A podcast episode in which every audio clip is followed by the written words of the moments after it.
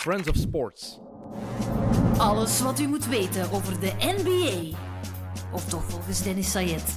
Welkom bij XNO's. Welkom terug bij de XNO's podcast, onze NBA preview part 2. Deel 1 hebben we al gehad. Daarin hebben Thomas van de Spiegel en ik eh, alle ploegen uit de Eastern Conference besproken. En nu is het tijd voor het eh, echte werk. hè. De echte conference. Het is erg om te zeggen, Thomas, maar het is zo. Ja, het, het is ook niet nieuw. Hè. Ik zou niet weten hoeveel jaar dat al is, maar ik denk dat het al meer dan tien jaar is of zo dat we zeggen van eh, het Westen is veel beter dan het Oosten en het is niet eerlijk en het blijft eigenlijk eh, een beetje hetzelfde. Dus, eh, En het wordt alleen maar erger. maar ik de het goede nieuws toch. is dat we nu een uur mogen over vullen. Hè. Na dat hele lange uur over het Oosten mogen we nu een heel kort uur over het Westen. Iedereen die het hele uur over het oosten heeft eh, uitgehouden, dank je wel daarvoor. Ehm, het concept nog even uit te leggen als je alleen naar het westen luistert. Eh, we praten vier minuten over elke ploeg. Daarin overlopen we nieuws, wie weg is, eh, wat Vegas verwacht en eh, de starting line-ups zijn. En dan zeggen we wat wij daar allemaal van denken. Hè. Nog één nieuwtje trouwens, wat de NBA vandaag heeft meegegeven. Ehm, de uren van de wedstrijden die gaan allemaal vervroegd worden. Is goed nieuws voor ons. Eh, als er een doubleheader is, dus twee we- wedstrijden op één avond. Vorig jaar begonnen die altijd om twee uur s'nachts voor ons. Nu gaat dat om één uur zijn. Ah, veel beter. Wat het een pak schappelijker maakt, absoluut. Liever om één uur. Dan kan je de eerste helft zien en om twee uur gaan slapen. Ja, maar vroeger kon je bij de hele lange wedstrijden kon je zo ook nog het vierde, die wekker zetten voor het vierde kwart en dat wordt nu moeilijker. Het zal bij die late West Coast match nog altijd zijn, want die beginnen meestal rond half vijf s'nachts. Dus, of half vier, dus dat kan je nog wel meepikken. En zeker, ja, jij staat op om drie uur s'nachts. Dus ongeveer. Oké, goed. We beginnen er meteen aan. Ehm, we gaan van slecht naar goed. Dus ik heb een ehm, volgorde opgesteld eh, met de 15 ploegen uit de Western Conference. We beginnen bij de nummer 15, wat ik denk dat volgend jaar de slechtste gaat zijn. We hebben het over het reguliere seizoen, dus deze volgorde het gaat niet over de playoffs. We hebben het over hoe we denken dat de ploeg in het reguliere seizoen gaan eindigen. Toch een redelijk belangrijke nuance. Nummer 15, de slechtste ploeg in de Western Conference Niet de volgens Lakers. mij. Hm? Niet de Lakers. Niet de. Lakers, nee, nee, Yes. nee, nee, nee, nee. De, vorig jaar hadden die Lakers op 4 trouwens. Hè. Ja. Niet vergeten. Foutje, foute, foute foutje, voorspelling. foutje. Ehm, de Memphis Grizzlies. Nummer 15 bij mij. Vorig seizoen 33 en 49. Volgens Las Vegas gaan ze 26,5 matchen winnen. De vertrekkers Mike Conley Jr., CJ Miles, Avery Bradley, Justin Holiday, Delon Wright, Julian Washburn, Chandler Parsons. Ze zijn er eindelijk vanaf. Het is hen gelukt. Javon Carter, Joachim Noah, Tyler Zeller Dat is bis, ze zijn daar ook Ja. vanaf. ehm, en Tyler Dorsey. Nieuw, Solomon Hill, Josh Jackson, Miles Plumley, Jay Crowder, Grayson Allen, Tyus Jones, Deontay Melton, eh, DeAnthony Melton, beter gezegd, Marco Guduric, Andre Iguodala, al telt dat niet, want die gaat weg en die gaat ook niet deelnemen aan matchen bij de Grizzlies. Ze hebben Jamorant als tweede gedraft, Brandon Clark, en we hebben de klok niet op st- start gezet, Thomas. Oh ja, sorry. Oei, oei, oei. Ja, je, had ze moeten vermelden. Jamorant dus als eh, tweede draftpick. Brandon Clark als 21ste gedraft. En ze hebben een nieuwe coach met Taylor Jenkins. 35 jaar. Hele, hele jonge coach. Starting line-up zou er zo moeten uitzien. Jamorant op de guard, point guard. Grayson Allen, Kyle Anderson, Jaron Jackson Jr., Jonas Valanciunas. En als sixth man veronderstel ik Jay Crowder. Dat is volgens mij de Niet minst goed, goede ploeg in het Ja. westen. Maar dat is ook niet goed gewoon. Eh, je kan daar niet heel veel mee. Het zijn wel een paar spelers natuurlijk die leuk zijn om naar te kijken. Om Kyle Anderson niet te noemen. Hè, er zijn er wel nog een paar. Eh, Jay Crowder komt uit een redelijk seizoen. Ehm, dus... ehm, maar dat zegt ook veel over het Westen natuurlijk. Dat dit een team wordt dat eh, helemaal onderaan zal bengelen. En dat ziet er wel zo naar uit. Eh, ze zijn ook heel veel kwijt. Hè. Ze zijn Conley kwijt, zijn Miles kwijt, Bradley kwijt. Marc Justin vorig jaar al. Marc Gasol in januari. Ehm, om Parsons en Noah niet te noemen. Nee, dat is niet waar. Eh, Dat is nee, zo ze, erg. ze zijn heel veel kwijt wel. En ja, dat, dat wordt gewoon een heel lang proces om daar weer iets van te maken. Beetje jammer dat eh Iguodala toch die leidersrol niet op zich... Ik begrijp het ergens ook wel dat hij daar geen zin in heeft. Maar tegelijkertijd... eh, ik had hem hier wel willen zien. eh, Hij wil terug naar mannen. Californië. Hij eindigt bij de Lakers of de Clippers. Als hij uitgekocht wordt, zijn dat de twee enige opties. Lakers of Clippers, blijkbaar. Ja, kan ik me wel volgen. Al had ik zijn leiderschap hier wel graag tussen gezien. eh, om eens te zien of dat, dat een verschil zou maken. Het is een hele intrigerende en interessante jonge groep. Die kern is tenminste heel interessant. Die jonge gasten, Jamorant, ehm Dylan Brooks, Brandon Clark en Jaron Jackson Jr. En eigenlijk Kyle Anderson en Jonas Valanciunas. Zo oud zijn die allebei ook nog niet. Valanciunas, die lijkt zo oud, maar die is oud geboren. Eh, met die baard. Die is Maar- 27, ja. wordt 27 dit ja, jaar. die zit ook gewoon al eh, van zijn 20 of zo. Ja, die komt, begint waarschijnlijk aan zijn zesde of zevende seizoen. Is gedraft in 2011, maar is dan nog twee jaar gebleven in, eh, in Europa. Dus en toen was hij 19. Ja, dus, dus, dus- kijk, ehm, dus ja, die zijn eigenlijk nog niet zo oud. Ja, dat, dat, maar die speelt ook alsof hij al heel, heel oud is ook eigenlijk. Eh, genoeg uh, Valanciunas gebashed nu. maar Anderson, daar kijk ik heel graag naar. Die zie ik heel graag bezig. Dus, eh, Slow-mo. nee, ja, dus eh, nee, leuk, leuk, team eigenlijk wel nog. eh. Maar de twee mannen om in de gaten te houden zijn Jamorant en Jaron Jackson Ja. Jr. Jamorant, nummer 2 pick. Ehm, de eerste college-speler die meer dan 10 assists gemiddeld had sinds 1995. Zo lang was het geleden dat iemand gemiddeld meer dan 10 assists had in NCAA in Division 1. En als je daar dan nog bij bedenkt dat hij ook nog eens topscorer was in Division 1. Deze gast heeft de teugels van deze ploeg in handen gekregen, gaat mogen doen wat hij wilt. En hij heeft, weet ook, de toekomst van Memphis ben ik samen met Jaron Jackson Jr. En die twee samen gaat een hele goede combinatie worden. Mijn gok ook, iedereen zegt Zion Williamson. Volgens mij gaat Jamorant ook Rookie of the Year worden. Enkel en alleen al omdat hij zoveel gaat mogen doen. En omdat hij een fantastisch talent is. Goede atleet, goed, staat een goede kop op. Ik geloof in die gast. Ja, nee, ik ook absoluut. Ik zit me al de hele tijd af te vragen waar zou je deze jongens plaatsen in het oosten. Eh, gewoon omdat er zit wel potentieel in en je wordt daar wel. Het is niet genoeg en zeker niet in het westen, eh, maar je wordt daar ook niet verdrietig van. Je kan daar vrolijk van worden van Omdat dat je het potentieel ziet, hè? Het is daarom. Met Bran- Brandon Clark daar ook bij. Je ziet een ploeg waarvan je weet van... Zij kunnen omhoog gaan. Dan hebben ze nu een jonge coach. Taylor Jenkins. Niemand kent die ook eigenlijk, hè? Nee, wie is dat Wat hij gedaan heeft. 35 jaar, was assistentcoach vorig jaar bij... Nu moet ik even goed nadenken. Eh, waar was Google is even aan het nadenken. Bij Philadelphia, als ik me niet vergis, dat hij daar vorig jaar assistent was. Even kijken. Nee, bij de Milwaukee Bucks inderdaad. En daarvoor bij Atlanta. Dank dus eigenlijk... Ehm, ja, even, inderdaad, Wikipedia. Heeft ehm, Mike Boedenholzer al die jaren gevolgd. Is daar een discipel van. Swat, hoeveel was het? 26,5 overwinningen? Meer, minder? Het is moeilijk, hè. Eh, toch minder.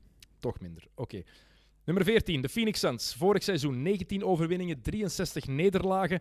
Eh, Las Vegas heeft een verdeelde mening. Gaat van 27,5 tot 29,5 overwinningen. Oh, en... Oh, kalm jongen. Dennis toch. Jij bent hier de verantwoordelijke voor de klok, Thomas. Oké. Hij is Nee. helemaal aan het flippen. Nu start. Oké, nu is het oké. Ja. Voilà, goed. dus de Phoenix Suns. Techniek la- laat ons in de steek, maar onze roadie ja, die is echt niet van kwaliteit. Bedankt, Sam. Ehm, de, de vertrekkers. Josh Jackson, TJ Warren, Rashawn Holmes, Troy Daniels, DeAnthony Melton, Kyle Korver. Kyle Korver was er eigenlijk. Die hebben die even aangetrokken, maar die is al even, even weg daar. Jimmer Fredette is naar Panathinaikos. Dragan Bender is weg. En Jamal Crawford is nog altijd free agent. Ricky Rubio is erbij gekomen. Net zoals Dario Saric, Aaron Baines, Chad Diallo, Frank Kaminsky, eh, Javon Carter, Cameron Johnson, de 11e pick in de draft na een trade met de Timberwolves. Ty Jerome, de 24e pick in de draft. En ze hebben een nieuwe headcoach. Monty Williams gaat opnieuw eh, voor een volledige coachingjob nadat hij zijn vrouw is, eh, heeft verloren en dus geen assistentcoach meer is. De starting line-up zou er zo moeten uitzien. Ricky Rubio, Devin Booker, Kelly Oubre, Dario Saric, Dean- DeAndre Ayton en als six-man ofwel Frank Kaminsky ofwel Mikael Bridges. Het belangrijkste hier, de Suns hebben eindelijk een point guard. Een echte. En wat voor een? En Ook wat een, voor een. een wereldkampioen. Niet alleen. Die zichzelf overtroffen heeft. Een MVP ja, eh, van het WK.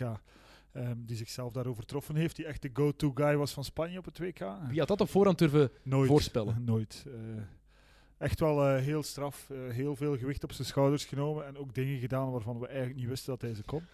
Ehm, Maar hoe gaat zij dat vertalen voor deze Suns-ploeg? Dat vraag ik me Maar af. ik denk dat Boeker daar gaat van profiteren. Nee, de Suns gaan profiteren. Ehm, omdat Boeker gewoon veel efficiënter kan worden met Rubio naast zich. Eh, omdat je dan echt iemand hebt die, eh, die het ritme gaat controleren van de wedstrijden, die echt gaat kunnen beslissen. En als er één iets is wat, eh, wat Rubio kan, ook een eh, heel hoog basketbal-IQ. Dus hij herkent heel goed situaties. En ik denk dat hij het tempo van de Suns gaat bepalen en dat Boeker daardoor gewoon een stuk efficiënter kan worden eh, en veel beslissender voor de Suns. En Rubio is een goede verdediger. Wat dit Phoenix ook nodig heeft. Want Devin Booker is geen goede verdediger. Die, Ja. DeAndre Ayton is een ramp defensief. Ja. Heeft al een paar dingen bijgeleerd, vooral in de pick-and-roll, wat hem een beetje, wat hem net ondergemiddeld maakt. En dat is eigenlijk al heel positief. Maar dan heb je met Rubio wel iemand die defensief tenminste een beetje leiding kan Ja, geven. en ook Saric kan daar, eh, kan daar wel, eh, ook met zijn basketbal-IQ, kan daar ook wel een beetje een vervolg aan breien aan, aan, aan wat Rubio meebrengt. Dus eh, ook, geen, ook een team waar je echt wel kan naar uitkijken. En ook wel heel erg, we zijn eigenlijk heel erg benieuwd. Ik ben Zouden al enthousiast over het Westen en we zitten aan de voorlaatste. Maar ze zouden een Maar- beetje competitief moeten zijn. Dat is het met Phoenix en dat hebben we de vorige jaren niet gezien. Dit Phoenix zou een beetje competitief moeten zijn. Ze hebben eindelijk een point guard. Devin Booker moet binnen dit en drie seizoenen All-Star zijn. En dit is een van de jaren waarin hij het kan laten Ja. zien. Ehm, het enige jammer wat ik vind voor Booker is, hij had mee naar het WK moeten gaan. Ik denk dat Rubio daarvan gaat profiteren. Als je kijkt naar de voorbije jaren, iedereen die op het WK heeft gespeeld, was achteraf zoveel beter in zijn NBA-seizoen. Aaron Baines ook. Eh, In zijn rol. ook, maar ik denk dat Aaron Baines trouwens eh, dat dat een, een zeer goede speler gaat zijn om samen te spelen met Rubio. Omdat Ja. dat gewoon iemand is die op de juiste plaats staat. Kan een pick-and-roll spelen, is ge- atletisch genoeg en sterk genoeg om te finishen. Dus ik denk dat dat iemand gaat zijn die ook gaat mee profiteren van het feit dat Rubio er is. Check Diallo, die vorig jaar goede dingen heeft laten zien. Ik vind dit een hele leuke ploeg. En dan is dit voor ons nu nummer 14 in de, in de Western Conference. Um, moet dat natuurlijk ook weten, bij Phoenix zijn alle ogen gericht op de zomer van 2021. Dan willen zij nog zwaar uithalen. Ah, daar bereiden ze zich op voor, alleszins. Um, enige probleem daar wordt die rotatie op de vleugel. Ze hebben Devin Booker, ze hebben Michael Bridges, maar voor de rest Cameron Johnson, Tyler Johnson, Kelly Oubre.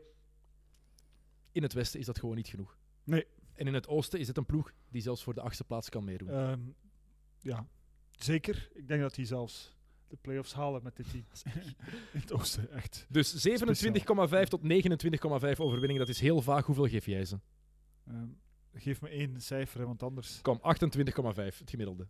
Eh, minder. Minder. Oké, nummer 13. Ja, ja, minder. Ja. Moet opnieuw op, onze, onze klok is aan het tegenwerken. Staat op. Oké, en dan mag je de minuten toevoegen. En nu staat het op 0. Oei. Oei, oei, oei, het is... We hebben een nieuwe klok, zoals je kan zien. Sporthouse, dankjewel. Ehm voilà, resetten gewoon. Op interval. Interval. Voilà, oké, goed. Voilà, opnieuw vertrokken. Goed. nummer, nummer 13. De Oklahoma City Thunder. Absoluut. Vorig seizoen 49 en 33, volgens Vegas 31,5 overwinningen.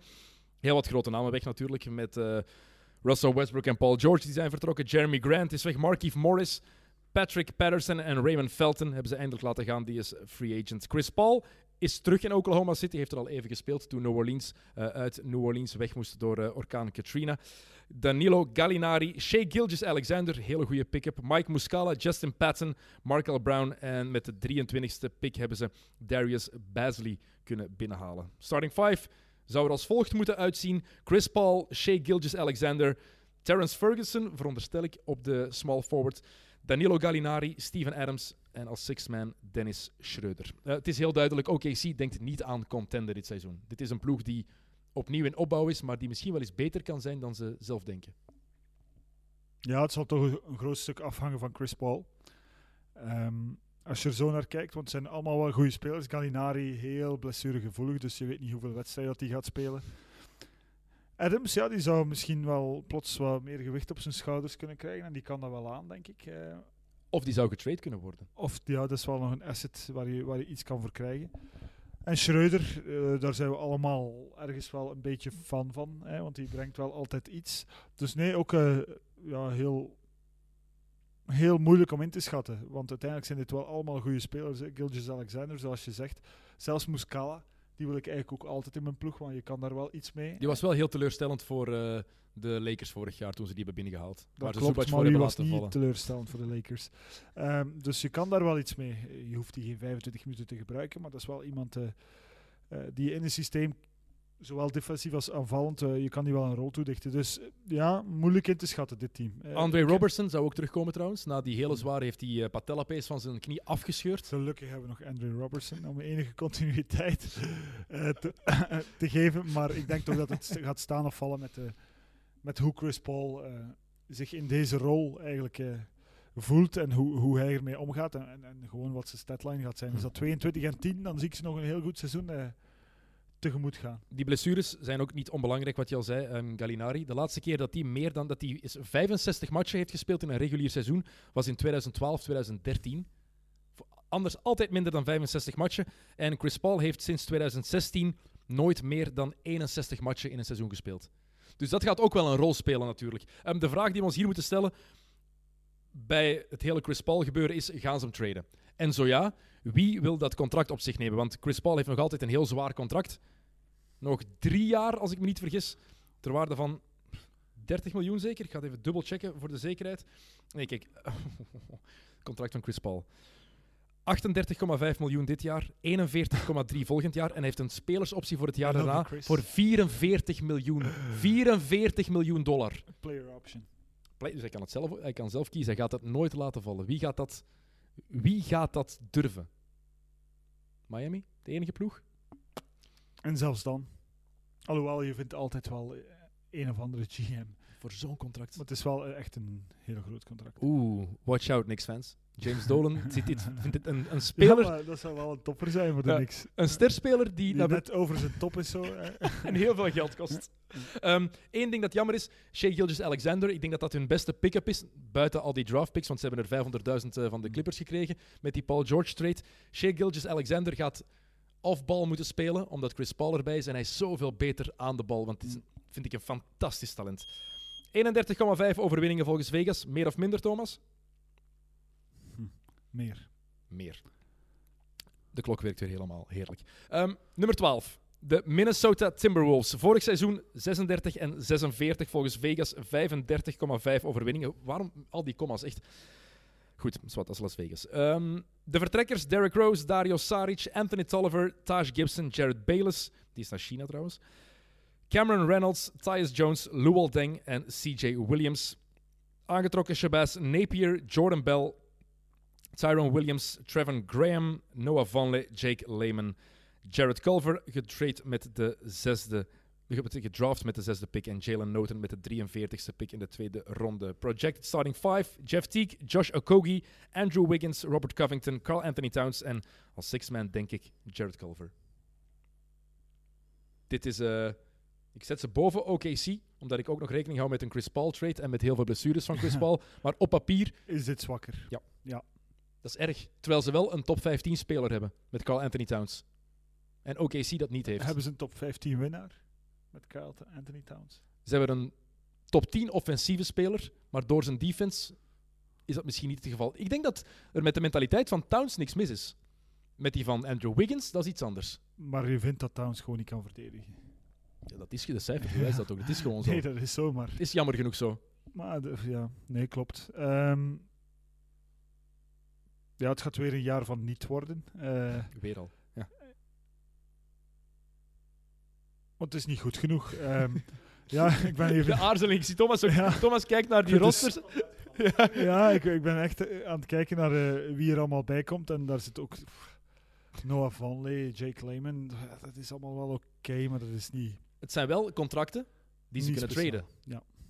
Lehman, Napier, Bell, Vonleh, Graham, dat zijn allemaal gasten, assets die ze kunnen traden. Het zijn geen lange contracten, dus waar ze wel iets Maar mee je kunnen krijgt daar ook niet heel veel voor. Maar, ehm,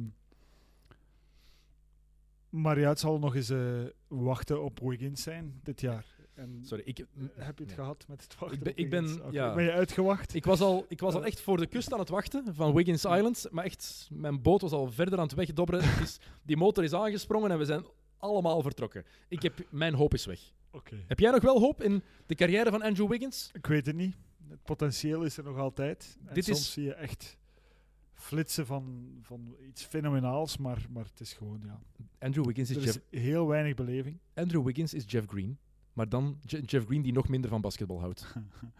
Ja. Dat is mijn en zo zie ik naar en zo kijk ik naar Andrew Wiggins. Ik vind daar geen hol. Ik vind het vreselijk. Zoveel ta- Zo'n zo'n natuurtalent. Je ziet dat dat lichaam perfect om te basketten. En dan komt hij op het veld en dan is het. Nee. Carl Anthony Towns is het tegenovergestelde. Want ik vind het wel een winnaar omdat hij. Maar zijn voetjes staan een beetje raar, hè? Dat is zo. Ja. Heeft ook, Vind je dat ook? heeft Ja, ook dunnere benen als ik. En dan Ja. heb je een probleem. Ja. Als je dunnere beentjes hebt als ik. Maar zelfs met alle blessures, Dat kan niet. blijkbaar wel. Die bestaan niet. Vijf Maar- maar vijf matchen gewist in vier seizoenen. Hij is de hartslag van deze ploeg. Offensief is hij super getalenteerd. En het drama van vorig jaar met Butler en Thibodeau, moet, daar moet hij geen rekening meer mee houden. Het is, zijn ploeg is heel duidelijk. Robert, Robert Covington en Towns, dat werkt heel goed, die twee samen. Het enige probleem is dat ze defensief gewoon niet competent zijn. Nee. Zij gaan echt elke wedstrijd pff, 130 punten krijgen. Oké, niet elke wedstrijd, maar ze gaan toch wel bij de slechtste teams. Ze gaan misschien defensief wel het slechtste team in het Westen zijn. Ik vrees dat erger dan Phoenix en dat zegt eigenlijk heel veel. Ook al heb ik het voor Ryan Saunders, eh, zoon van Flip Saunders, de Minnesota-legende, de headcoach. Ehm 35,5 overwinningen. Minder. Minder. Dat is een mooie under. En wat een timing. Nummer 11. D- Nu wordt het heel moeilijk. Echt, het is, We rekenen op je, Dennis. ja, dit, dit vind ik echt ongelooflijk moeilijk. Ik heb hier de New Orleans Pelicans. Maar ik heb, hier, ik heb dit letterlijk 30 keer veranderd. dat- 11, Alle fans zijn echt zijn niet akkoord. 11 10, 9, 8 heb ik Ja. 30 Nee, keer hier veranderd. zijn we niet meer Mijn akkoord. favoriete League Pass team voor het komende seizoen. De New Orleans Pelicans. Vorig seizoen 33 en 49. Volgens Vegas gaan ze 39,5 matchen winnen. Anthony Davis is er weg, net zoals Julius Randle, Alfred Payton, Shaq Diallo, Solomon Hill, Stanley Johnson, Christian Wood, Dairis Bertans, broer van, en Ian Clark, die nog altijd geen ploeg heeft. Heel wat nieuwe namen ook. Lonzo Ball, Brandon Ingram, Josh Hart, de Lakers boys dus. J.J. Redick, Derek Favors, Nicolo Melli, Zion Williamson, de eerste pick van de draft. Jackson Hayes, de achtste pick dit jaar. Nikhil Alexander Walker, zeventiende draft pick en neefje van ehm Shea Gilgis Alexander. Ook even getalenteerd bijna. En dan hebben ze nog Marcos Luzara Silva met de 35ste pick gekozen. Starting line-up, heel veel opties, want het is een 12-man rotation. Ik denk dat hij er zo gaat uitzien. Lonzo Dit Ball, wordt gewoon... Ja. Sorry, dit, ik ben niet- Toffe ploeg, hè? Ja, dit wordt zalig. Even de starting five. Lonzo Ball, Drew Holiday, Brandon Ingram, Zion Williamson, Jackson Hayes en J.J. Redick van de bank. Denk ik dan. Ja. Je kan hier zoveel kanten mee uit. Ja. Laat je gaan, Thomas. ik zet ze nu op, wat is het? Op 11. En ik snap perfect als je zegt, je bent een idioot. Natuurlijk, ja, in het Westen moet je, moet je al bijna... eh, om hoger te staan dan 11 moet je meer dan 50% van je matchen winnen. Sowieso, Eh, dat is minstens. Ja. En dat is, de, dat is een uitdaging. Want het is gewoon een jong team, hè, maar, zoveel potentieel. Het wordt gewoon leuk. En je hebt ook wel een, een paar gasten met ervaring. Hè. Reddick eh, brengt toch wel heel veel ervaring mee. Als je ook zag wat zijn rol was binnen, binnen de Sixers en hoe hij dat eigenlijk uitbalanceerde, heel dat geheel, ehm, kan hij dat hier ook wel doen. Alexander Walker speelt eh, tot nu toe, wat ik ervan gezien heb, een super preseason. Eh, Williamson, ja, daar moeten we geen tekening bij maken. Ja, Once in die- a die- generation. ja, die, die bevestigt gewoon alles wat we verwachten nu in de eerste wedstrijden. Lonzo is misschien... eh, Lonzo en Ingram zijn misschien de grootste vraagtekens. Eh, Lonzo zijn shot is veranderd en het ziet er ook effectief beter uit. Want er Ah, werd oké. altijd over gepraat. Ik ben altijd, ik zit nog wel, ik ben weg van het eiland van Andrew Wiggins, al heel ver weg. Maar je zit wel nog op Oh, van Ball. Island, ik heb daar, ik heb lig, daar echt, je op strand? ik heb er een hut gekocht. Ah, echt ja. waar, ik heb er nog altijd een hut Ja, ik gekocht. ben al verzopen. Eh, ik, ben, ik ben al eigenlijk van dag één... eh, ik, zat niet op die bandwagon. En ik, zal er, nooit, en ik zal er nooit op zitten. Eh, ook niet met zijn broertje nu dat nu Ik wou het net plots, vragen. projected number one pick zou kunnen zijn. Ook niet. Die speelt in Australië. Dat is Australië, kom. Hij is 18 jaar. Ja, Hij domineert Australië. Ja, het is net zijn broer.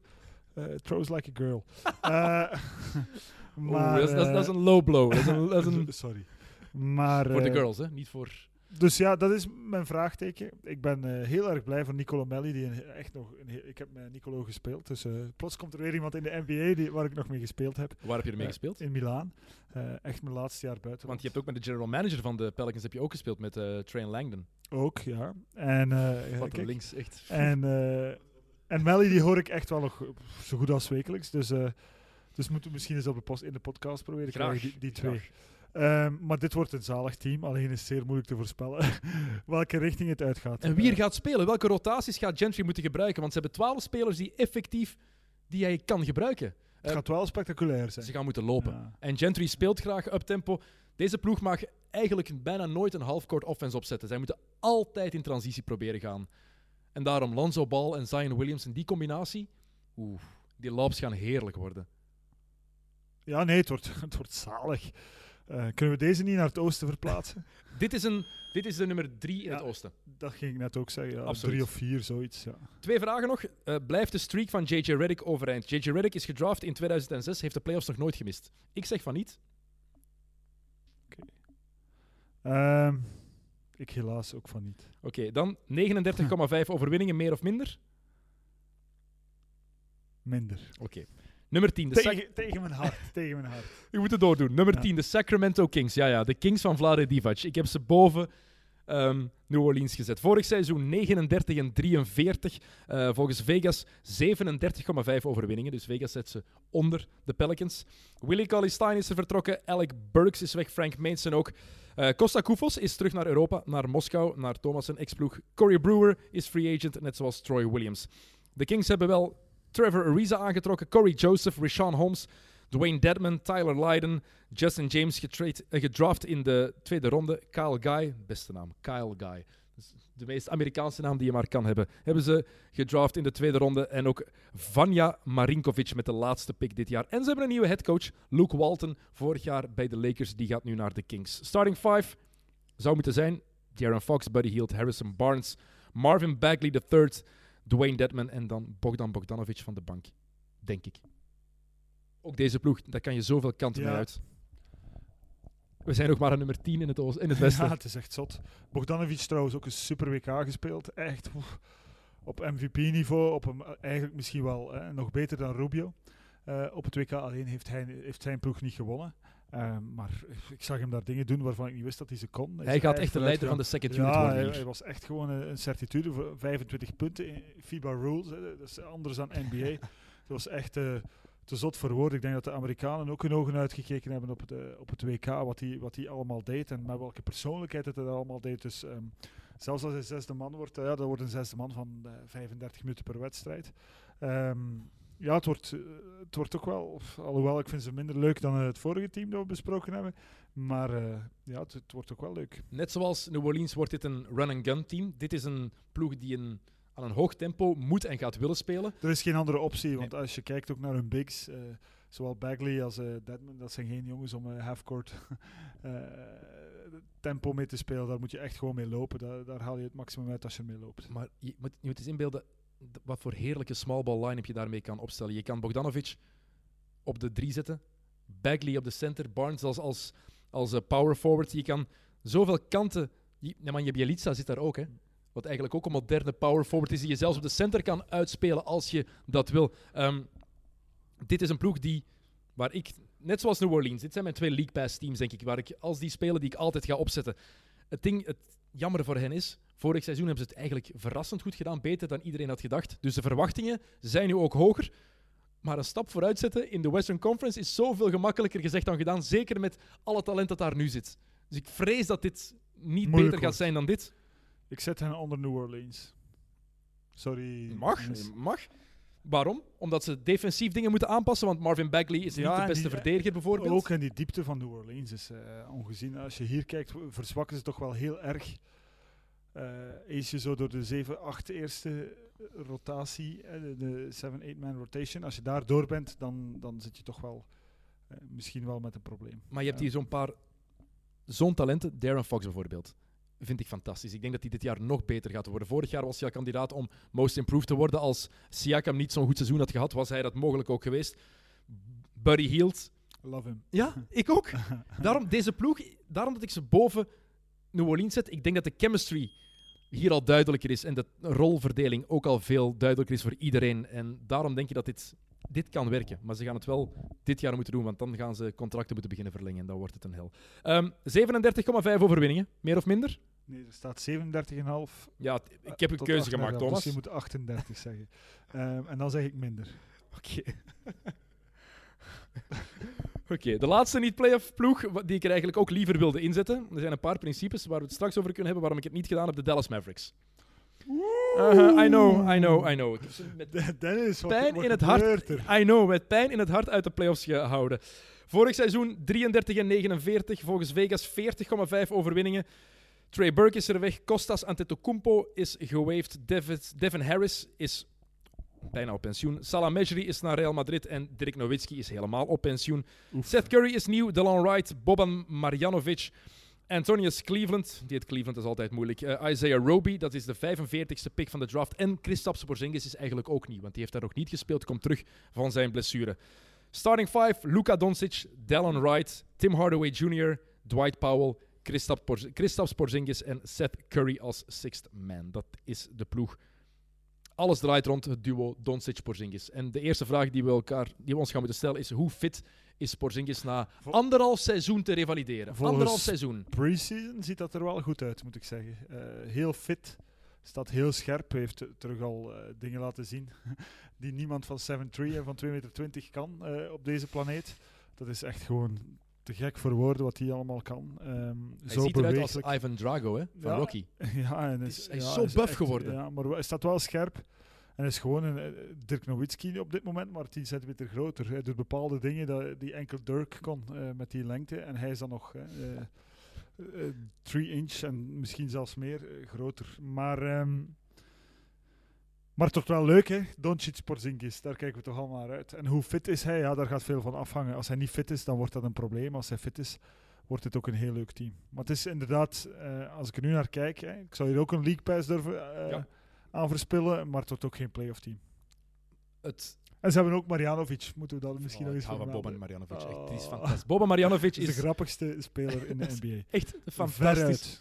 Jammer dat hij niet meer samen is met Tobias Harris, Harris want Bobby en Toby, dat duo was echt ook beste bijnaam trouwens. Um, Doncic Porzingis, dat duo, ik denk dat dat perfect gaat passen eerlijk gezegd. Die twee, hun manier van spelen, hun speelstijlen, die zijn zo complementair. Doncic in, is er iets wat hij niet kan?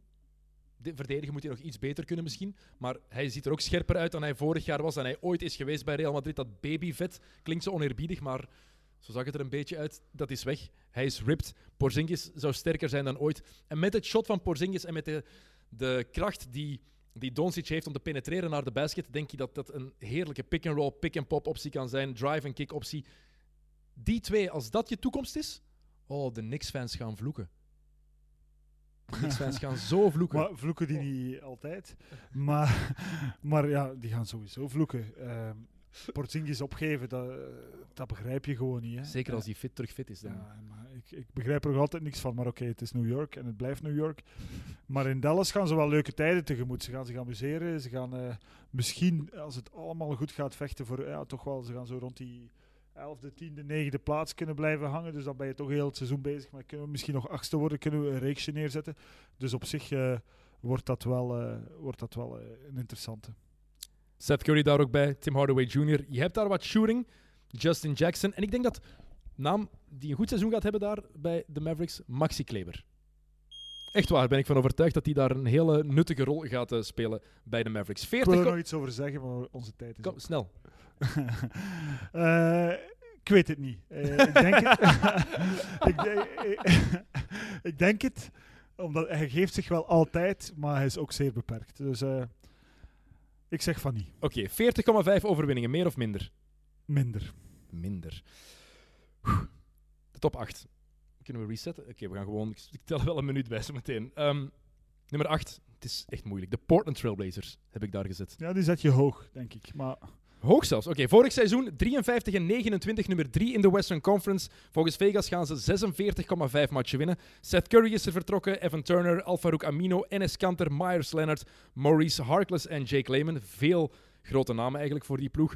De nieuwe namen Kent Bazemore, Mario Hezonja, Hassan Whiteside, Pau Gasol en zijn 80-jarige knieën Anthony Tolliver. En met de 25e pick hebben ze Nasir Little van UNC gedraft. En dat, is, gaat de steal van de draft worden, Nasir Little. Starting 5, Damian Lillard, CJ McCollum, Ken Bazemore, Zach Collins, Yusuf Nurkic als die weer fit is en Hassan Whiteside dan als sixth man.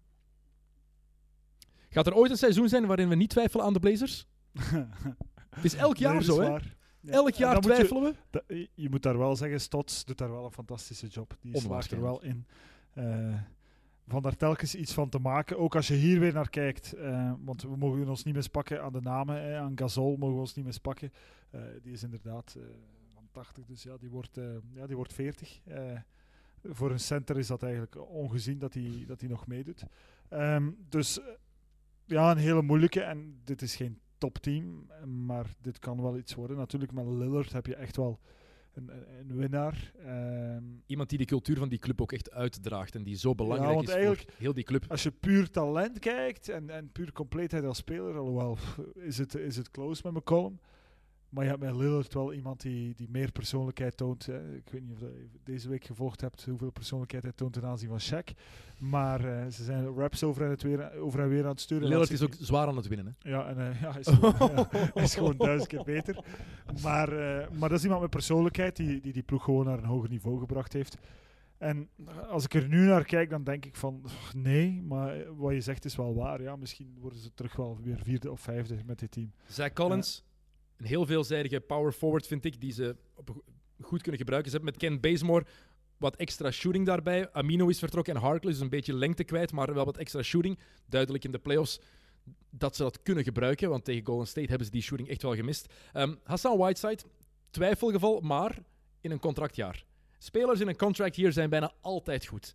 Dus dat is dan bemoedigend voor hem. Want het is Hassan Whiteside. ja, ik weet dus het. je Ik kan- weet het. kan- Ik weet het. Je kan niet, eh, je kan niet doen alsof dat, eh, dat, dat van toepassing is op hem. En iedereen is Ja. ongelooflijk positief over Anthony Simons. Daar verwacht iedereen superveel van. Dus die gaat ook wel zijn minuten krijgen. Heel veel voorspellingen hadden hen in de top 5. Hezonja, ze hebben ook Hezonja, Dennis. Oké, geen comment. Mario, Hezon, het, is, het is toch een van de grootste teleurstellingen. Ja, toch wel. Ik had gedacht, de White Kobe, ik dacht echt dat hij dat, hij dat ging eh, niet waarmaken, maar toch dat hij veel beter ging zijn dan wat hij nu is. Eh, Maar hij heeft wel LeBron afgeblokt vorig jaar. Dus, eh. En, over, en heeft ook ehm, En het feit dat we dat nog over weten... Janis gedunkt. Ja, het feit dat we dat nog weten is eigenlijk erg. heeft over Janis gedunkt en is hier overgestapt. En toen heeft hij daarna geen enkel punt meer gescoord. Waren zijn eerste, enige twee punten van de Ah, match. juist. Ja, ja, Mario Hezonja, gro- great succes. Eh, waar je je zorgen over mag maken bij de Blazers, dat is die defense. Als je op het veld staat met Whiteside, Lillard en McCollum, dan kan dat voor problemen zorgen. Maar vorig jaar is dat gelukt met Kanter, McCollum en Lillard. dus als dat kan, dan kan alles. 46,5 overwinningen, meer of minder? Minder. minder. Thomas is niet zo positief in de Western Conference. Nummer 7. De San Antonio Spurs. Ik wed nooit meer tegen Greg Popovich. Ik heb er een bak mee verloren, maar ik heb er ook meer terug mee gewonnen. Dankjewel, Leroy Deltour. Um, even bij vermelden. Vorig seizoen 48-34. Vegas, dat loopt echt uiteen. De ene ehm, site zegt 43,5 overwinningen, de andere zegt 46,5. Wie is er vertrokken? Davis Bertans, Dansey Cunningham, Donatas Motihunas is terug weg en Quincy Pondexter. Demare Carroll, Carroll is erbij gekomen. Trey Lyles, Lucas Samanic hebben ze gedraft als 19e. Keldon Johnson als 29e. En Quindary Weatherspoon als 49 Wat een geweldige naam. Quindary Weatherspoon. Dat ah, ik kan zo meedoen een mooie medogeloos. Ehm de starting line-ups. DeJounte Murray, Bron, Bryn Forbes, DeMar DeRozan, Rudy Gay, LaMarcus Aldridge en dan van de bank Derek White, Patty Mills. Deze ploeg is eigenlijk... Ja, die, hebben niet veel ja, die, die zijn niet veel kwijtgeraakt. En die hebben wel wat zaken bijgekregen. Hè. Dus je mag er niet tegen wedden, Dennis. DeJounte Murray is terug. Dat is voor mij... Ook vorig al, jaar, we hebben het er ov- over gehad, voor het seizoen begon, van dit was de reden waarom, hem uit- waarom ik hem uit de, ik ze uit de playoffs had gezet, want Murray was out voor het hele seizoen. En ik dacht dat hij cruciaal zou zijn voor die ploeg. En dit jaar kan het dat zijn in positieve zin. Dus ehm, nee, ik denk dat we, dat we er niet tegen mogen wedden. Ik denk dat we richting 50... eh, Oké, dat is te vroeg, ik mag dat maar straks zeggen. Maar Nee, we gaan richting 50 wins gaan. Meer moet je ook niet verwachten. Lamarcus Aldridge wordt er ook niet jonger op. Rudy Gay, eh, die heeft zichzelf een beetje heruitgevonden. Wat is dat met Rudy Gay? Echt. Want die bestond niet meer. En plots komt hij bij de Spurs en is dat terug een speler geworden. En de Rosen, die ontgoochelt nooit. De, de Rosen is ook de Rosen. Nochtans was hij niet de hele, het hele seizoen al op zijn gemak in die ploeg. De echte DeRozan, die gaan we daar nog moeten zien, denk ik, bij eh, San Antonio. Ja, maar natuurlijk, het is een beetje zoeken naar evenwicht met Aldridge. Die toch ook wel een, een bepaalde vorm van een balhawk is. Hè. Die, moet, die heeft ook die bal nodig. Zeker voor, voor een big guy. Die wil die bal echt veel in zijn handen. Dus dat is dat evenwicht dat ze wat moesten zoeken. Maar dat werkt wel. En dan moet je Popovic geven. Hè, dat hij daar toch altijd een oplossing voor vindt. Hè. Niet tegenstaande dat je tegen hem had kunnen wedden op het WK. Ik heb hier letterlijk geschreven, vorig seizoen tegen Popovic gewet, nooit meer, tenzij bij Team USA. Oké, maar hij had daar echt niemand. Hè. Eh, wel niemand als je naar die... Relatief. Want- Ja.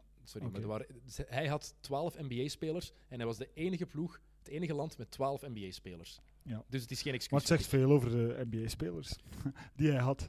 Want dat waren niet echt... eh, Oké, dat waren niet de superstars. Het was geen groot succes. Eh, vorig seizoen hebben ze 48 matchen gewonnen. En dat was ondanks de blessure van Murray. Was ondanks het feit dat DeRozan nog niet helemaal op zijn gemak was in die ploeg.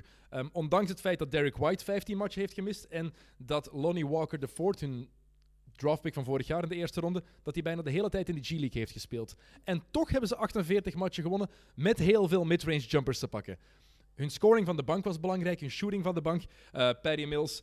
Uh, Paddy Mills, heel goed WK gespeeld. Ik dacht dat hij MVP ging worden. Als Australië de finale haalt, is Paddy Mills altijd MVP. Ja, dat denk ik nu ook wel. Die was fantastisch. Um, Bellinelli zit daar, Damari Carroll is daar nu bijgekomen.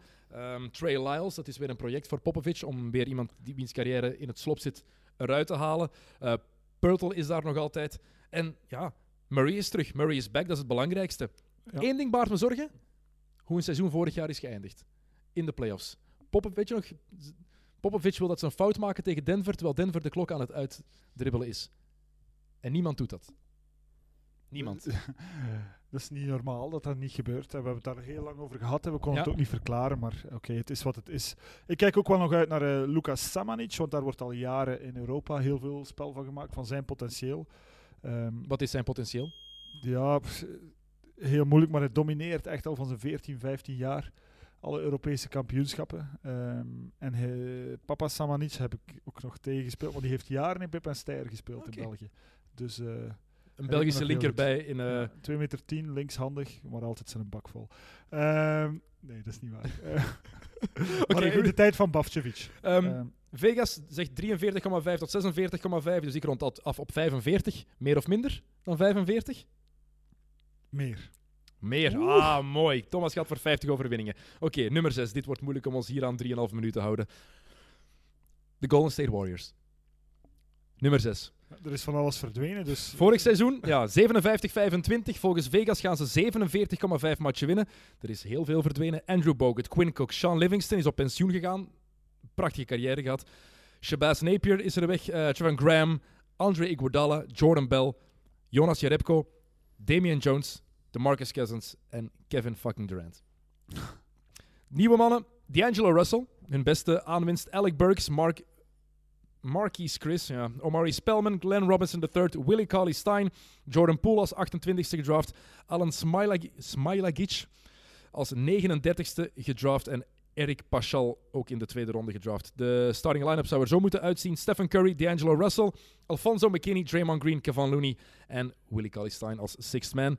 Waarom die starting line-up? Ja, heel simpel. Omdat Clay Thompson ook nog oud is tot zeker februari. Zeker eind februari. Moeten we bij de Warriors niet zeggen dat heel veel ook gaat afhangen van wat ze in januari gaan doen? Of ze iemand gaan traden, bedoel je? Ja, ik zie nog altijd Russell. Ik zie het nog altijd niet. Ik wil het zien, maar... Eh, Waarom zie je het niet? Want ik zie het offensief wel, maar defensief niet. Wel, en ook gewoon... Ik denk dat die de evenwichten toch, eh, de, de, de Curry-Thompson evenwichten, die we vanaf februari in theorie terug zouden moeten zien, dan zie ik het niet meer. Um, ook niet als echt leider van die second unit? En ik denk dat je voor, ja, maar ik denk dat je voor Russell heel wat kan krijgen. Um, dat is waar. Dus um, zeker na vorig jaar denk ik dat je echt, dat, dat je daar iets hebt. Eh, als, je, als je daar toch wel twee, drie spelers van kwaliteit kan voor krijgen, dan zit je daar plots weer met een heel goed team. Dat, uh, dat je niet weet waar het kan eindigen. En ja, de, de, de, de originele Splash Brothers, hè, die gaan we terugzien. Um, heb het niet voor uh, Collie Stein, maar ik ben niet de enige waarschijnlijk. Uh, voordeel, hij is al geblesseerd. die, die zou ik in januari packagen met, met Russell. en die zou ik meesturen. Maar, uh, maar ja, moeilijk te voorspellen. Um, we gaan er wel van genieten, denk ik. zeker uh, ja, als, ik, als ik Stef nu al in pre-season terugzie. 40 punten in 25 minuten. Ja, en hoe? echt, from the logo. vier crossovers door de benen. En en echt, uh, hij wordt beter met de jaren. Want hij is ondertussen ook al 31. Hè. Hij blijft een beetje dat jong ventje. Maar hij is ondertussen 31, maar hij, hij, wordt niet slechter. Al zijn scores waren pure swishes. Alles wat hij binnengegooid heeft, heeft de ring niet geraakt. Dus dat, is, dat is onwaarschijnlijk, die gast. Een paar opvallende cijfers. Um, want KD is er natuurlijk niet meer bij. Die is naar Brooklyn. Clay Thompson is geblesseerd. Die gaat heel lang oud zijn. Dus wordt het Draymond Green en Stephen Curry. Die gaan alles moeten dragen. Um, de laatste drie seizoenen met Clay en KD op de bank waren Curry en Green samen plus 167 in 700 minuten. Die twee samen, dat was ook dat niet met het beste. Ja, dat werkt gewoon. En ik denk dat dat iets heel belangrijks is. Want je zegt het Stephen Curry. Ik denk dat hij een potentiële MVP is, ondanks die mogelijke zesde plaats. Draymond Green gaat een belachelijk seizoen hebben. Die gaat zo goed zijn. Vorig seizoen heeft hij zich in vorm moeten spelen. Dat gaat nu niet het geval zijn. Totaal niet. Ik denk dat hij Ik denk dat we een, de, een betere Draymond Green dan ooit tevoren gaan zien. Straffe woorden, Dennis. Ben je het ermee eens of niet? Ehm, ik denk dat sowieso Draymond Green zoveel mogelijk verantwoordelijkheid gaat willen. Dat hij echt gaat willen dat het zijn team wordt. Hè? En, en wat het eigenlijk een beetje was. En wat Curry en Thompson hem toelieten in het verleden. En dan met de KD is dat wat gewijzigd. Dus eh, de klok tikt trouwens. eh, maar de Warriors die verdienen dat. De Ehm, klok tikt en onze, onze, onze, roadie- producer heeft, eh, heeft honger. maar eh, nee, ja, eh, Green ehm, ja, gaat een topjaar tegemoet. Maar of dat genoeg zal zijn voor de Warriors. Ik zei het dat we ons niet aan de vier minuten gingen, gingen kunnen houden hier. Ehm, twee dingen nog over de Warriors. Ze hebben een nieuwe zaal. Chase Center ziet er fantastisch uit. Niet meer over de, over de brug. hè. Jammer genoeg niet, want Oracle was ook wel fantastisch. Ik ben blij dat wij daar nog een finals match hebben kunnen zien. Het luidste dat ik ooit meegemaakt heb. En onze, Sam heeft daar ook een finals match. Ah, vorig jaar zeker. Oh, hier. Heel, de laatste match ooit in, in Oracle. Ehm, wij de laatste titelviering daar ooit. Ah, van ook mooi. Ehm,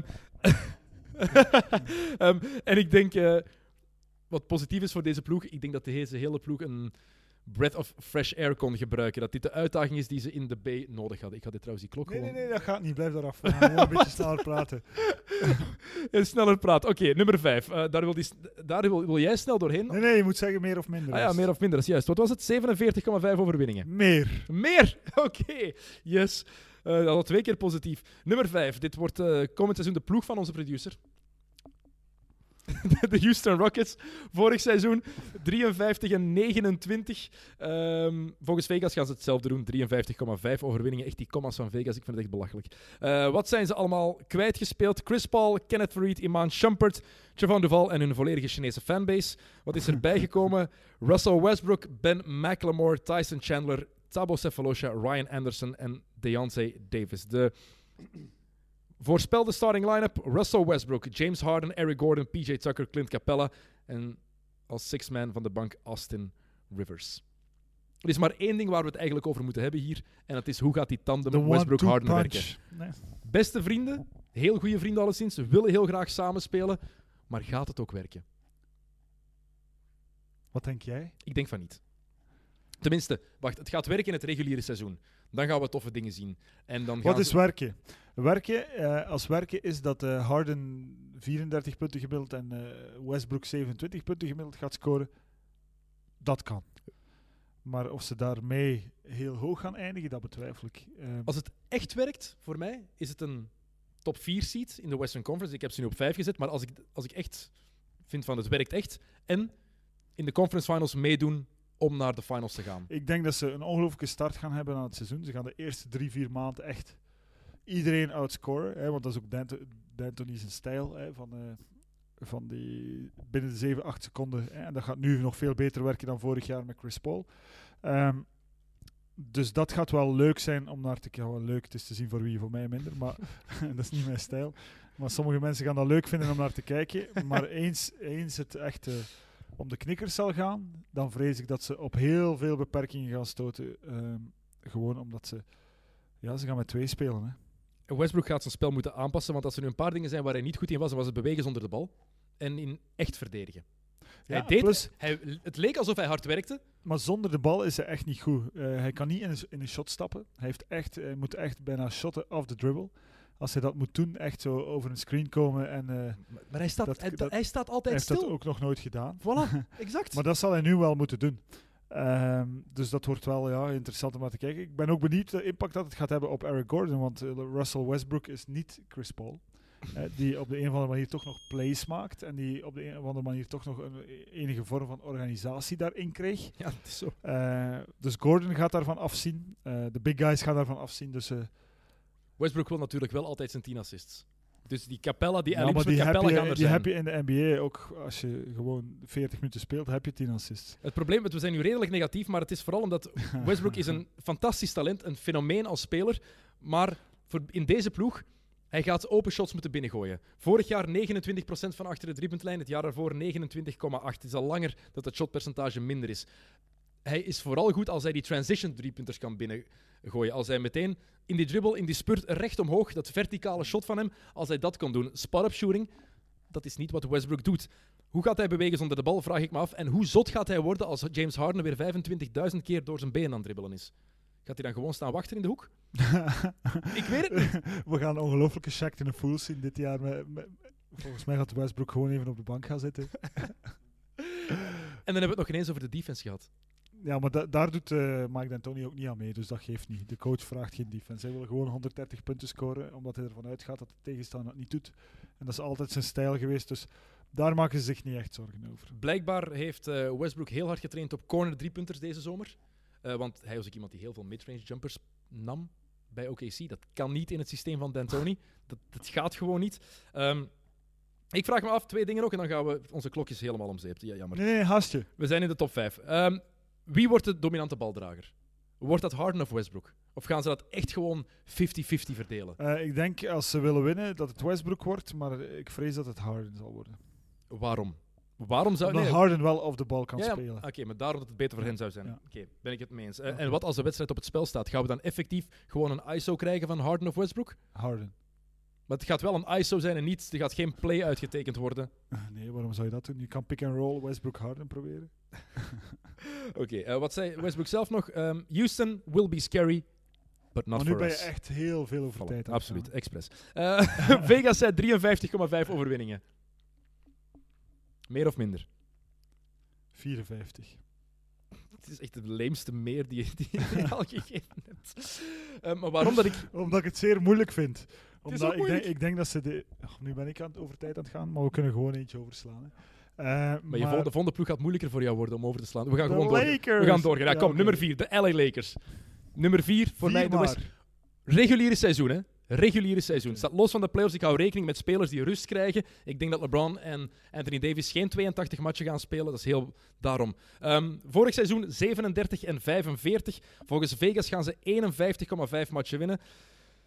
Lonzo Ball is weg, Brandon Ingram, Josh Hart, Bonga, Lance Stevenson is naar China om daar de grote man uit te hangen. Reggie Bullock vertrokken, Mike Muscala, Tyson Chandler, Moritz Wagner. Voilà. Nieuwe namen, ook heel wat. Anthony Davis, de grootste natuurlijk. Avery Bradley, Dwight Howard, hij is terug.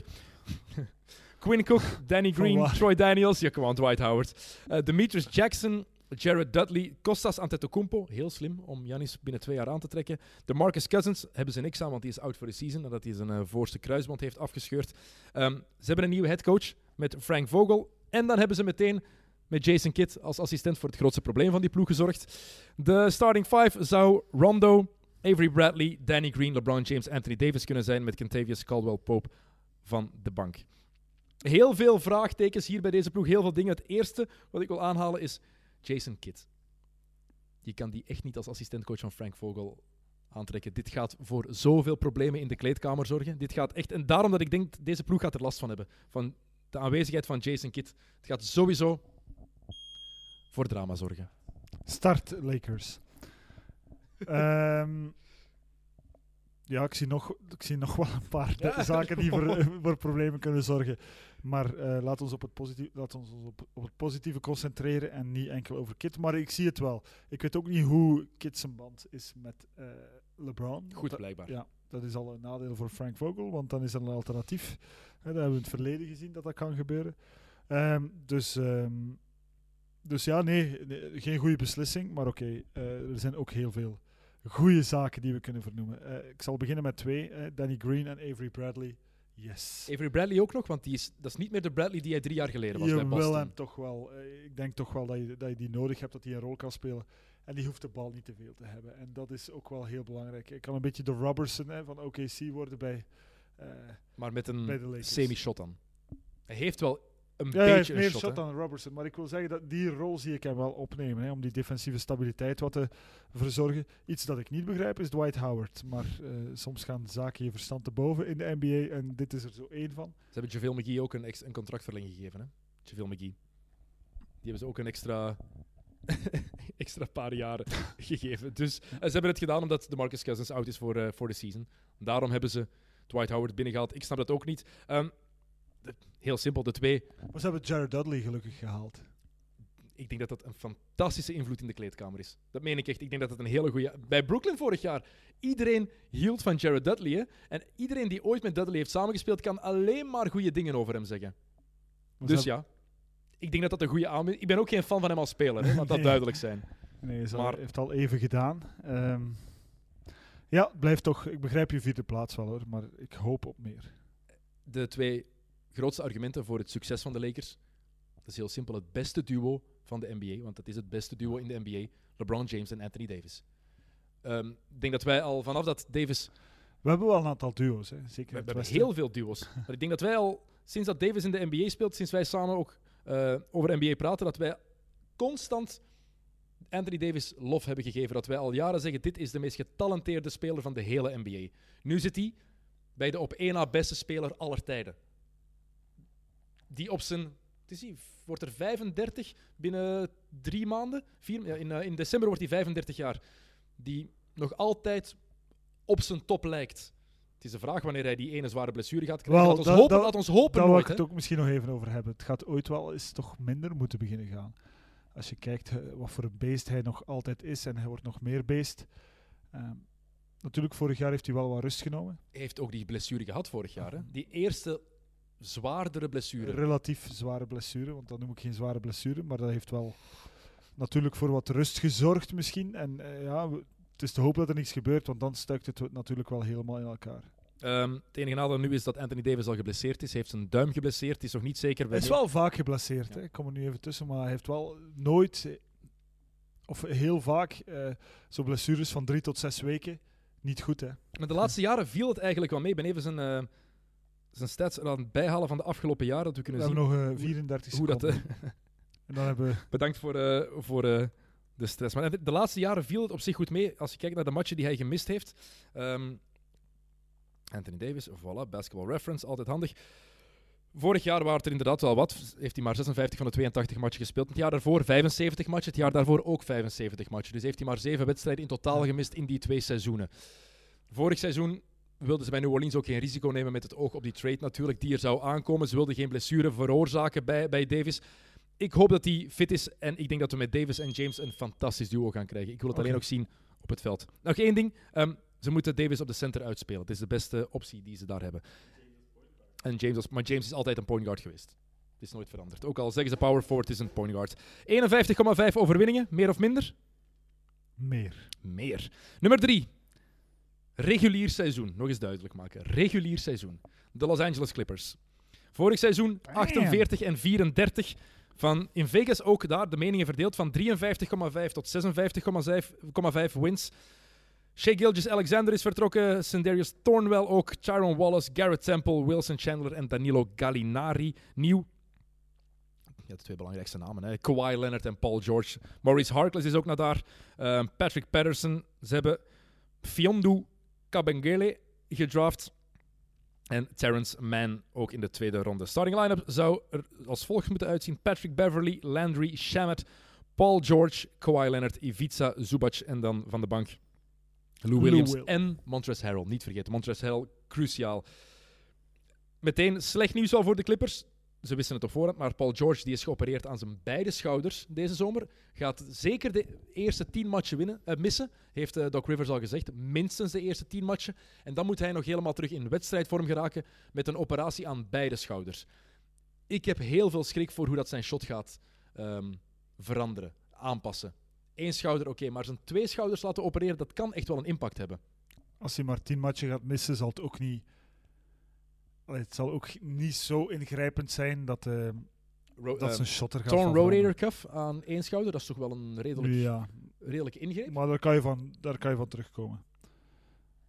Wat niet wil zeggen dat ik geen twijfels heb bij deze Clippers. Hè? Ehm,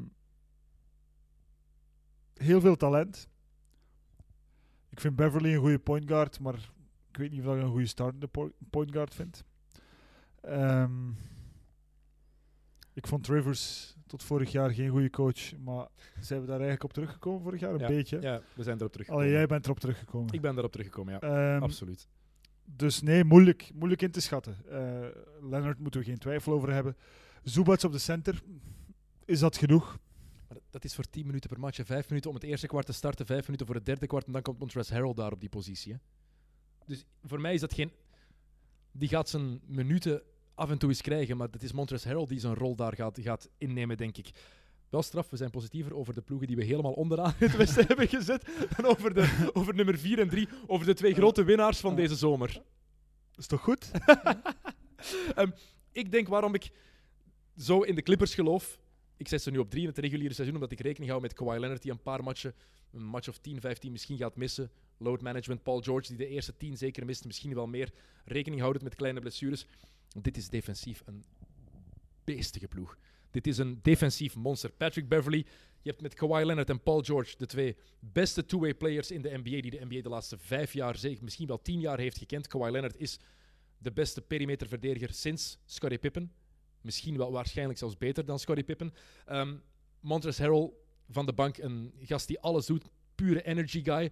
En je kan met een defensive line-up spelen en dan nog Lou Williams op het terrein zetten, die je gewoon zegt, Lou, gewoon shotten. Jij moet gewoon alleen maar voor punten zorgen. En dan heb je met Landry Shamet, een jong talent, die er ook een pegel aan heeft hangen. Ik vind dit echt een heel sterke ploeg. En Mo Harkless die daarbij komt, nog iemand die echt wel kan verdedigen, die voor lengte zorgt. Mhm.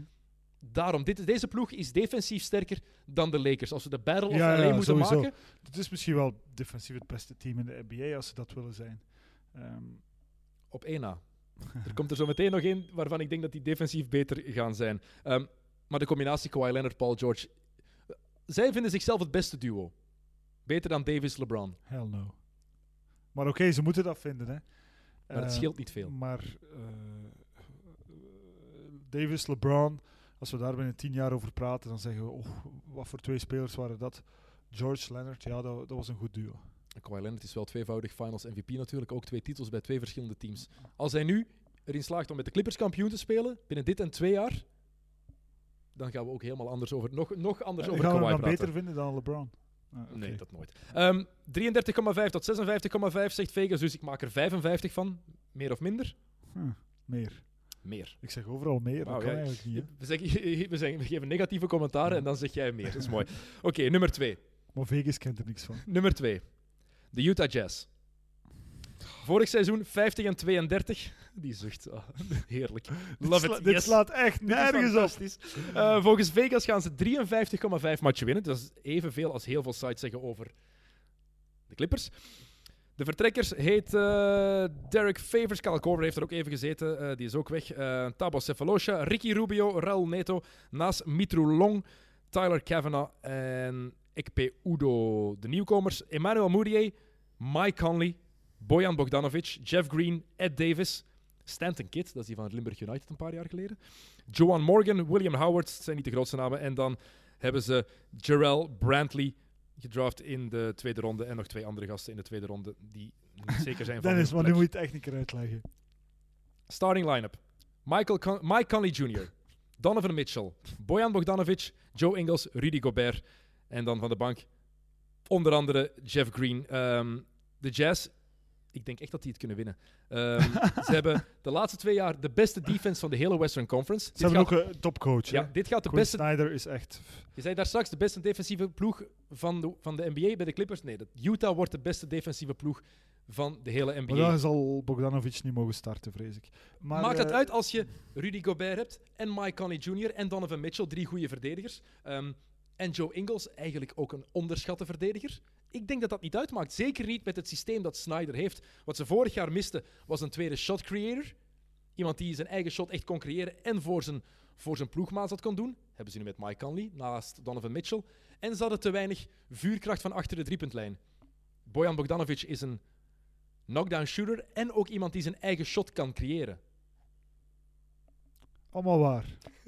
maar toch gaan ze geen tweede worden. Maar wel goed, Reguliere seizoen, hè? maar, ja, ja, maar wel goed geprobeerd. En ik, ik zou ze het wel gunnen, want ze hebben wel... eh, Argumenten, Thomas, argumenten. Waarom gaan ze niet tweede worden? omdat ze gewoon relatief beperkt zijn. Ze zijn aanvallend relatief beperkt. Ehm Ingles is aanvallend geen toptalent. Ik kijk gewoon... Donovan Mitchell hebben we een beetje nu op het WK door de mand zien zakken. Door de mand zien vallen. Vallen. Eh, dat- Analisten, sportanalisten die combineren graag, zoals alles uit Ik heb de de- zon zien zakken in de zee en door de mand vallen en dan door de mand zien zakken. Eh, eh, ik, ik voel het niet, maar het is eerder een gevoel. Ik, ik, ik, ik zie het niet. Uh, Moodjai, daar heb je toch niet veel aan.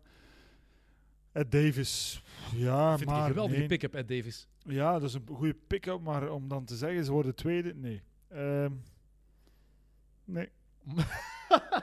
Vierde.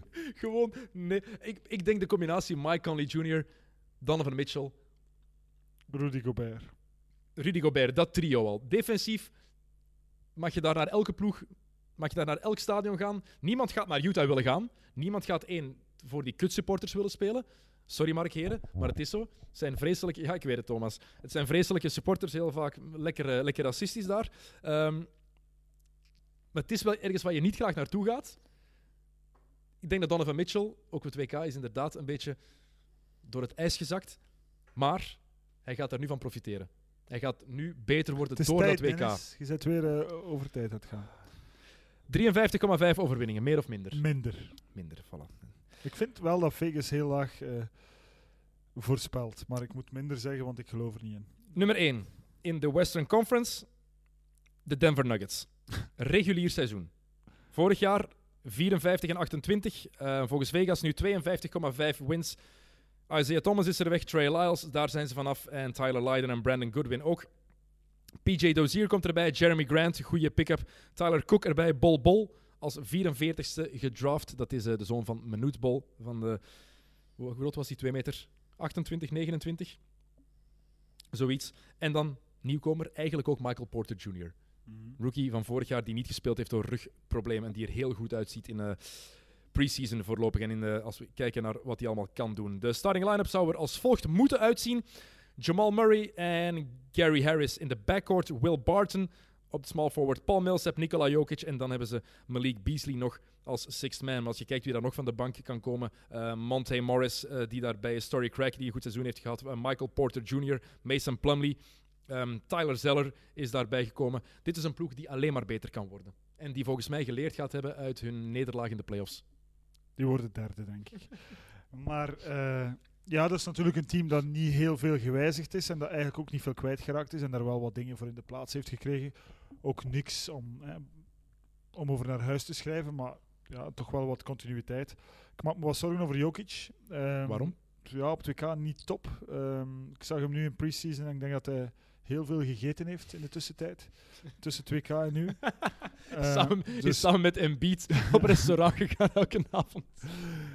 Nee, maar echt, hij was echt, hè, hij is altijd al chubby geweest. Ik weet niet of dat je al foto's gezien hebt van een 12-jarige Nikola Jokic, maar dat was ja, ja, ik heb al heel... eh, ja, dus dat is, dat is wel opvallend. Eh, Voilà, dat is zo onprofessioneel, Dennis. Die telefoon nee, maar mijn, geluid van mijn telefoon staat af. Ah. Maar ik, hij gaat af op mijn laptop. Oké, oké, oké. Het is je vergeven. En het is de Ook al heb je Utah op twee. Ja, ook al heb je Utah. Ah, dan moet je misschien opnemen.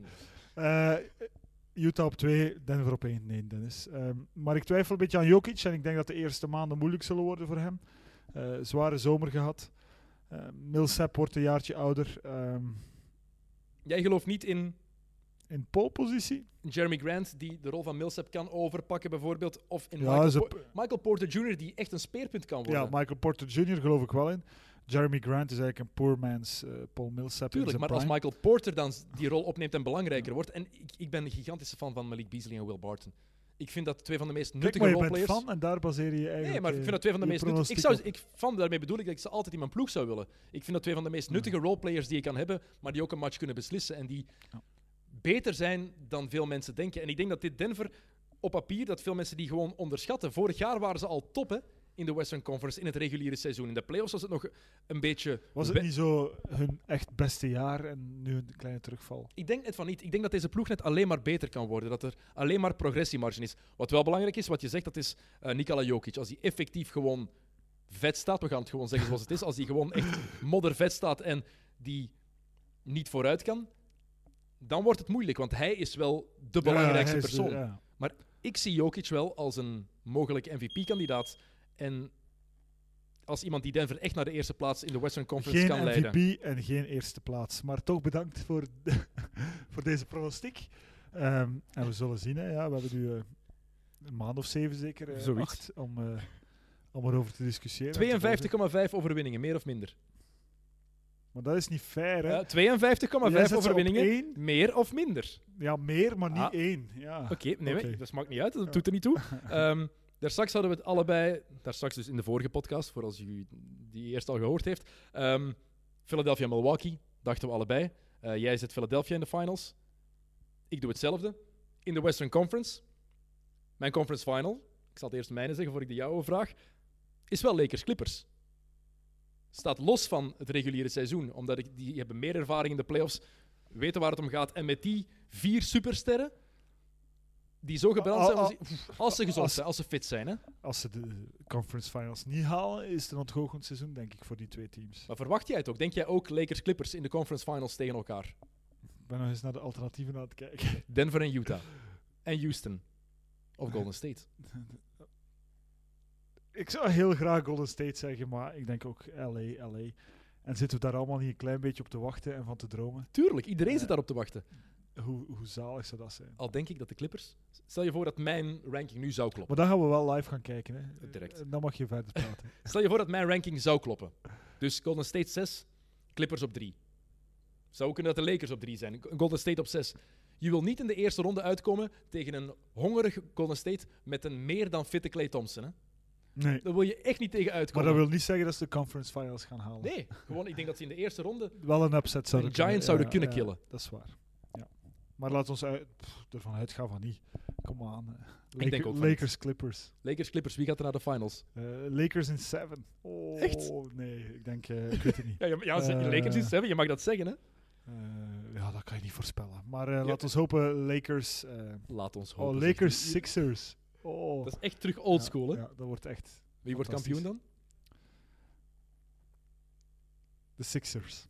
Ik, oeh, Dat, ik, had nooit gedacht dat ik dat ooit ging zeggen in mijn leven. Echt Thomas tegen de Lakers. Ik zeg Clippers in de finals en ik zeg Clippers kampioen. Dat is een logischer, maar minder leuke. Het is ook, dat is ook, je kan er ook het minste geld mee verdienen als je Ja. gaat wedden in de States. Jammer. Voilà, we hebben nog anderhalf minuut om dit af te sluiten. Perfect. Die extra vier minuten komen toch altijd van pas, Thomas. Nee, maar we hebben nu de tweede keer extra vier minuten gebruikt. Eh, bedankt dat Dus- je terug tijd wil maken voor onze was jaarlijkse heel leuk. traditie. Ik vond het ook. Ehm, jullie zijn bedankt voor het te luisteren. Eh, vergeet zeker niet om de nieuwe Mid-Mid podcast te checken via de Friends of Sports account, moeten we dan zeker zeggen. Ehm, zoek het op via Twitter, zoek het op via Instagram, zoek het op op iTunes, Soundcloud. Eh, waar zitten we nog op? Spotify. Ehm, nog iets, Sam, dat ik moet zeggen? That's it. We zitten overal. Voilà. En de volgende XNO's die komt er alleszins heel snel aan. Thomas, merci. Graag gedaan. Salut. Ciao.